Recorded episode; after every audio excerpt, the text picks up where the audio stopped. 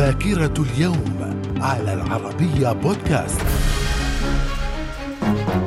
أهلا بكم وفي ذاكرة هذا اليوم الخامس عشر من أغسطس من العام 1912 أحمد الهيبة يدخل مراكش ويبايع سلطانا على المغرب. وفي العام 1914 افتتاح قناة بنما للملاحة البحرية بين المحيطين الأطلسي والهادي. في الخامس عشر من أغسطس من العام 1918 قطع العلاقات الدبلوماسية بين الولايات المتحدة وروسيا.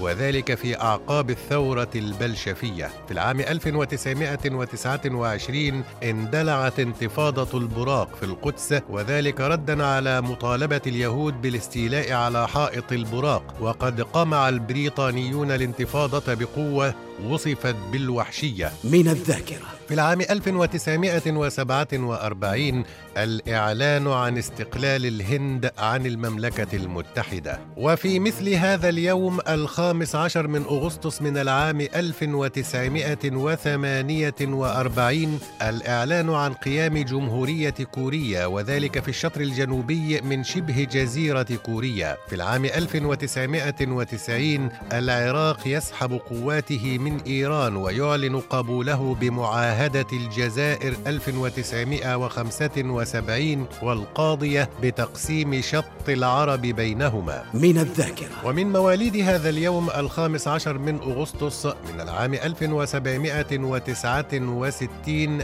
نابليون بونابرت إمبراطور فرنسا. وفي العام 1771 ولد والتر سكوت الشاعر والأديب الإسكتلندي. وفي العام 1888 ولد توماس إدوارد لورنس رجل الاستخبارات البريطاني المعروف باسم لورنس العرب. وفي العام 1925 ولدت هدى سلطان الممثلة المصرية. من الذاكرة. وفي الخامس عشر من أغسطس من العام 423 توفي الإمبراطور هونوريوس إمبراطور الإمبراطورية الرومانية. الغربية. وفي العام 1952 توفيت سميرة موسى عالمة ذرة مصرية. وفي العام 2010 توفي غازي عبد الرحمن القصيبي الشاعر والأديب والسفير السعودي.